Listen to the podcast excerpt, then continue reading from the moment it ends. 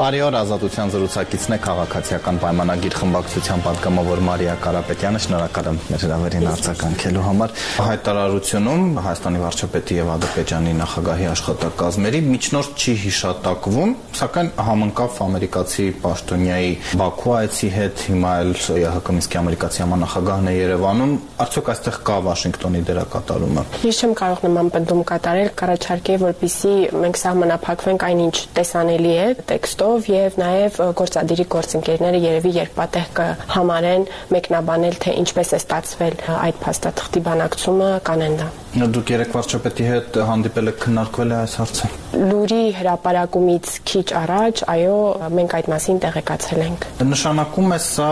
բանակցություններ առանց միջնորդների, այսինքն առնվազն դրա նախապատրաստումը, որովհետև այնտեղ նշվում է, չէ, որ պետք է զարգացնել այս շփումը այլն։ Ես հարցին կպատասխանեի մի փոքր հետքայլ անելով, տևական ժամանակ նախ Ադրբեջանը պնդում է, որպիսի խոսակցությունը տեղի ունենա երկկողմ։ Այստեղ բնականաբար մենք ռիսկեր ենք տեսնում, որովհետև այն պարագայում, երբ նույնիսկ միջնորդ կա սենյակում, Ադրբեջանը այդ սենյակից կարող է դուրս գալ եւ խոսակցությունից տարբերվող մեկնաբանություններ անել, երբեմն նույնիսկ հայտարարությունների տեքստերից տարբերվող մեկնաբանություններ անել։ Այս ռիսկը կա եւ պարզապես ուղիղ առանց միջնորդների խոսելու հրավերը իհարկե զգուշավոր ենք մենք դրա հանդեպ։ Միևնույն ժամանակ, երբ նույնիսկ կան միջնորդով բանակցություններ, օրինակ Վաշինգտոնում տեղի ունեցած բանակցությունները, բոլորը գիտեն, սա հրաապարակայնացվել է, իհարկե այդ բանակցությունները փուլերով են ընթանում եւ իհարկե պահեր են լինում, ժամանակներ են լինում, երբ երկու արտգործնախարարները մենակ են լինում սենյակում, այսպես ասած, ուղիղ խոսակցության համար, դա էլ է նորմալ։ Ուզում եմ ասել, այդ շփումները կարելի է ասել այսպես մերթընդմերթ, հնարավոր է որ սենյակում երրորդ կողմ լինի, հնարավոր է որ չլինի, արդեն իսկ այդպես են ընթացել տևական ժամանակ եւ դա նորմալ է եւ նաեւ այս անցած տարիների ընթացքում օրինակ ազգային անվտանգության ծառայության ղեկավարներն են ուղիղ շփումներ ունեցել գիտեք երբեմն կար նաեւ իրավիճակի էսկալացիայի շուրջ զինծառայողների միջև ուղիղ կապ եւ սա նույնպես նորմալ է հետեւաբար եթե հնարավոր է լինում դրական տեղաշարժ ունենալ նաեւ ուղիղ շփման միջոցով ես դրանք չէի բաց, բացառի բայց ընդհանուր գլոբալ առումով իհարկե մեզ վստահություն ունենալու համար որ պայմանավորվածությունները հատկապես կարևոր գլոբալ հարցերի շուրջ պայմանավորվածությունները կկատարվեն մեզ անհրաժեշտ է որպիսի միջազգային հանրությունը դերակատարները կարևոր դրանց մասին տեղեկացված լինեն որպիսի նրանց մոլորության մեջ գցելը հետագայում հնարավոր չլինի այլ խոսքով երաշխավոր որ եթե որևէ կողմ խախտի ստորագրածը նրա հետ գործ ունենա դուք գիտեք որ երաշխավոր բառից խուսափում են միջնորդները այս բառից որովհետև դա մեծ պատասխանատվություն է իրենից ենթադրում նաև օրինակ միացյալ նահանգները շատ հաճախ իր հայտարարությունների մեջ ասում է որ մենք խրախուսում ենք կողմերի միջև ուղիղ երկխոսություն մենք պետք է այս բառապաշարը նկատենք եւ հասկանանք թե դա ինչ է նշանակում ուզում եմ ասել պետք է փորձենք հարմարվել քանի դեռ խոսակցությունը ընթանում է միջազգային միջնորդ կողմերի այս մեղմ ներկայությանը բայց իհարկե մեզ անհրաժեշտ է որպիսի պայմանավորվածությունները ունենան մի որևէ մեխանիզմ դրանց շուրջ անհամաձայնության պարագայում այդ մեխանիզմի միջոցով թյուրըմբռնումը հնարավոր ապագա շտկելու կամ մեկ այլ ձևով հասցեագրելու հնարավոր ապագա խնդիրները։ Թեև այդպիսի մի մեխանիզմի գործարկման դառը փորձ ունի Հայաստանը, խոսքը Ռուսաստանի միջնորդության մասին է։ Ճիշտ է, նոյեմբերի 9-ի փաստաթուղթը ամբողջությամբ դրա ճարտարապետությունը ստեղծած իրավիճակը կազմակերպվել է, այն այդ իրավիճակը իրականության մեջ գոյություն չունի։ Սա իսկապես բարի կամքի դրսևորում կանվանեիք, որովհետև հաշվի առնելով Ադրբեջանի վարկագիծը վերջին տարիներին պատերազմից հետո հավատին է շնչում, որ կուլիսներում ինչ որ այլ բան չկա։ Ես հավաստիացնում եմ, որ տեքստում այն ինչ գրված է, դրանից անդին այլ պայմանավորվածություն մենք չունենք ադրբեջանական կողմի հետ, ի նկատի ունեմ փաստաթղթում շոշափվող հարցերի շուրջ, հա, եւ առհասարակ ցանկացած այլ մտահոգություններ հանկարծ չառաջացնեմ իմ այս ձևակերպամբ, այսինքն ամեն ինչ ինչ մարդիկ գիտեն հրաապարական կա խաղաղության պայմանագրի մասին խոսակցությունը երեք սկզբունքներով եւ ահա այս փաստաթուղթը առանձին այդ գերիների վերադարձի հարցով այլ պայմանավորվածություն չկա, բայց որpիսի հստակ լինի։ Պահվող անձանց վերադարձը ընդհանուր հումանիտար իրավունքի պահանջ է։ Կար նաեւ կա նոյեմբերի 9-ի փաստաթուղթը, որով պարտավորություն ունեն կողմերը վերադարձնելու իրենց մոտ պահվող անձանց, բայց այդ հումանիտար իրավունքի պահանջը շարունակում է գործել։ Չի չքվում ոչ միտեղ, եթե նման հայտարարություններ տեղի չեն ունենում։ Գալով արդեն երեք հիմնական սկզբունքներին, որոնք գուցե համաձայնեցված են, բայց ինչպես ասում են սատանան մանրուքների մեջ է, ահա Իլհամ Ալիևն ասում է, որ այնպիսի դրույթ պետք է լինի, որը բացառի ռևանշի փորձը։ Չեմ կարող իհարկե իր փոխարեն մեկնաբանություններ տալ, ես ենթադրում եմ, որ խոսքը հրաապարական հայտարարությունների հնարավորության մասին է, քաղաքական ձևակերպումների կամ այլնի, բայց իրապես չեմ կարող ասել, թե ինչի նկատի ունի նա ասում է երաշխիքներ պետք է լինեն, որ Հայաստանը ռևանշի չի գնալու, արդյոք փաստաթղթում նման բան քննարկվում է։ Կողմերի միջև վստահություն պետք է ձևավորվի, որպեսզի երկու կողմերն էլ վստահություն ունենան, որ ապագայում նման փորձեր չեն լինի։ Այս պահին մենք էլ նույն մտավախությունը ունենք, հաշվի առնելով Ադրբեջանի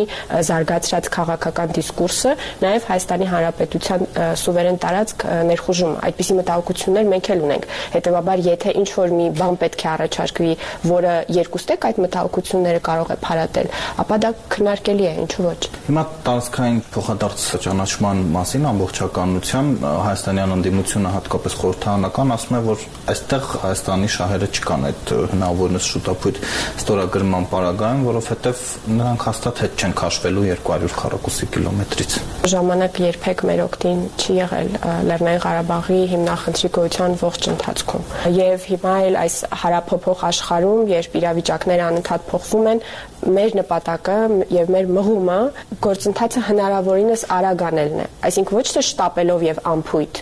մտածված գիտակցված իհարկե քննարկելով հասկանալով ամեն բարի տարի նշանակությունը հնարավոր ռիսկերը դրա հետևում բայց մենք ցանկանում ենք հնարավորինս սեղմ ժամկետներում խաղաղության պայմանագիր կնքել եւ այստեղ այդ արգումենտը բերող մարդկանց ապարագայում ես համոզված չեմ իրենք ասում են որ ուրեմն եթե պայմանագիրը չկնքվի դուրս կբերի այդտեղ ավելի են շանսերը մեծանում։ Այսինքն մեր նպատակը պետք է լինի խնդիրը հասցեագրել, փորձել հասնել դրա լուծման։ Այլ բան որ մտավախություններ եւ կասկածներ ունեն, որ դա կարող է տեղի չունենալ, բայց դա պատճառ չէ, որ հետամուտ չլինես խնդրի լուծմանը։ Ինչու է վարչապետն ասում կքննարկենք անկլավների փոխանակումը ըստ էության կանաչ լույս վառելով, լեգիտիմացնելով այդ օրակարգը։ Դրան զուգահեռ մենք միշտ շեշտել ենք, որ դելիմիտացիայի հարցը պետք է իրավական փաստաթղթերով հիմնավորվի եւ երևի թե տեսել եք նաեւ փոխվարչապետի վարչապետի հարցուպատասխանի ժամանակ կառավարության մեկնաբանությունը, որ կարծես թե դրա շուրջ նույնպես փոխըմբռնում կա։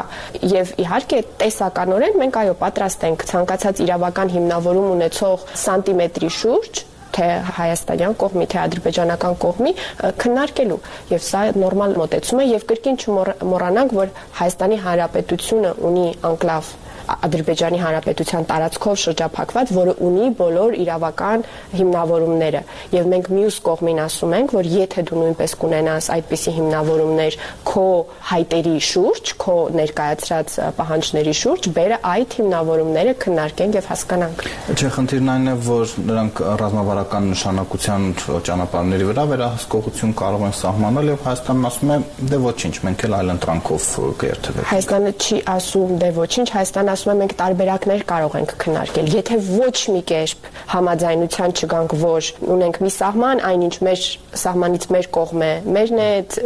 սահմանից ձեր կողմ է, ձերն է այդ փոխանակման իմաստով։ Եթե դրա շուրջ ոչ մի կերպ համաձայնության չգանք, որը իմ տրամաբանությամբ առավել նախընտրելին է, նաև ձեր վերած փաստարկի պատճառով, եւ եթե գոյություն ունեն այն իրավական հիմքերը, որոնք հիմնավորում են ադրբեջանական անկլավների գոյությունը Հայաստանի Հանրապետության տարածքում, ապա երկրորդ որպես տարբերակ, որի շուրջ տեսականորեն այո կարելի է փոխմբռնման գալ, մյուս տարբերակն է, որը չպետք է բացառենք, եթե մենք կրկին ցանկանում ենք մեր խնդիրները լուծել։ Եթե մենք ուզում ենք խնդիրները պարզապես բաց թողնել եւ մի 4 սերունդ էլ խոսել, բանակցել եւ Աստված մի արածել կռվել, դա այլ մարդկանց մղումներն են։ Ես այդպիսի մտադրություն չունեմ։ Եվ ապաշրջափակման մասին Իլհամ Ալիևն ասում է, որ եթե մեզ տալիս եք ճանապարհ դեպի Նախիջևան, այո, ինքնիշխան պետք է լինի, Հայաստանից տարածք չենք ուզում, բայց մաքսակետեր մի տեղադրեք, որովհետև մենք Ադրբեջանից Ադրբեջան ենք գնալու Հայաստանի տարածքով։ Մեր մտածումը այն է, որ պետք է փոխադարձության սկզբունքով լինի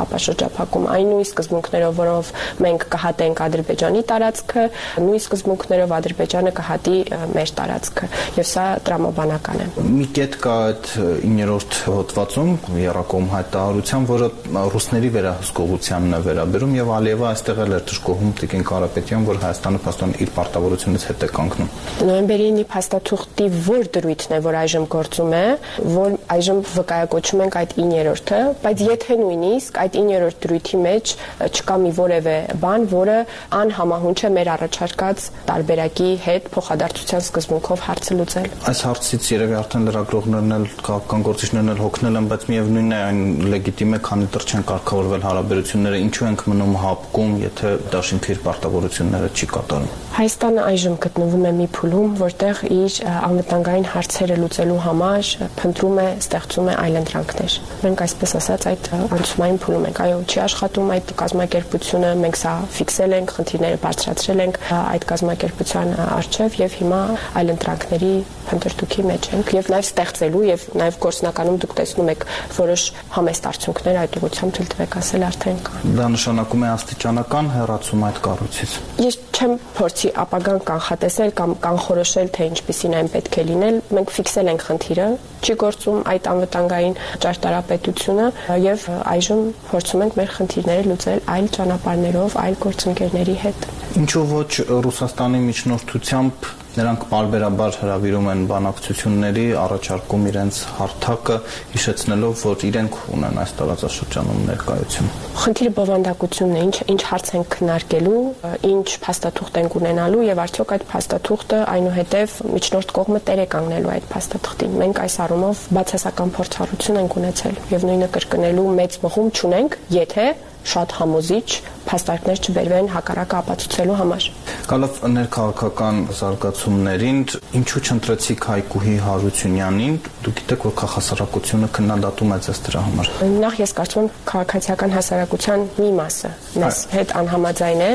կան քաղաքացիական հասարակության ներկայացուցիչներ, որոնք նույնպես կուզենային ավելի լավ կոռուպցիայի կանխարգելման հանձնաժողովի կառավարում տեսնել, որովհետև խոսում ենք հերացող կամ արդեն իսկ պաշտոնը լքած կոռուպցիայի կանխարգելման հանձնաժողովի նախագահի մասին։ Ազգային ժողովը կամ կառավարող մեծամասնությունը ընդհանրապես ցանկանում է առավել ուժեղ կոռուպցիայի կանխարգելման հանձնաժողով ունենալ։ Սա չի նշանակում, որ նախորդ 4 տարում ոչինչ չի արվել, նսեմացվում է ամբողջ աշխատանքը կոռուպցիայի կանխարգելման հանձնաժողովի։ Պարզապես մեր իրավունքն է պաշտոնը լքելուց հետո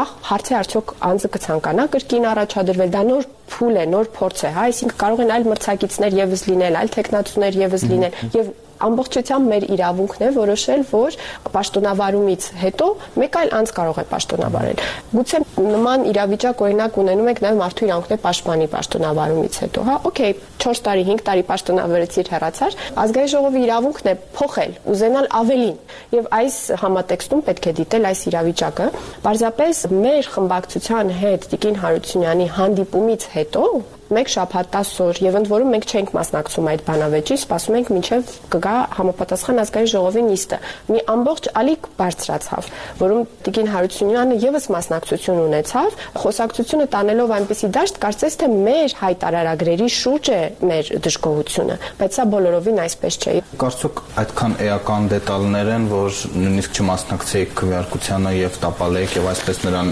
ճանապարհեիք, թե այնուամենայնիվ գուցե վկայում է, որ դուք եք քննադատության նկատմամբ անհանդուրժող։ Ես մտադրություն չունեի հրաապարակային ասելու, որ Տիկին Հարությունյանը քաղաքացիական հասարակության երկու ներկայացուցիչի դուրս է մղել իրենց աշխատավայրից։ Ես չէի ցանկանում հրաապարակային էսկալացնել իրավիճակը այս հարցի շուրջ։ Փակ հանդիպման ժամանակ իրեն այս հարցադրումը արել է, բայց նաև Տիկին Հարությունյանը խաղադրույքներ, այսպես ասած, բարձրացնելով, մեր հասցեին հնչեցնելով մեղադրանքներ, որոնք անհիմն են, թե մենք մեր հայտարարագրերի շուրջ հարցերի պատճառով իրեն չենք ցանկանում վերընտրել դրթեց, որpիսի այդ խոսակցությունը ստանա նաև այդպիսի դրսևորում եւ վերջում այո մենք չմասնակցենք քվեարկությանը։ Դուք ճիշտ եք խորհրդանական վերահսկողության տեսանկյունից նաև, բայց եթե դա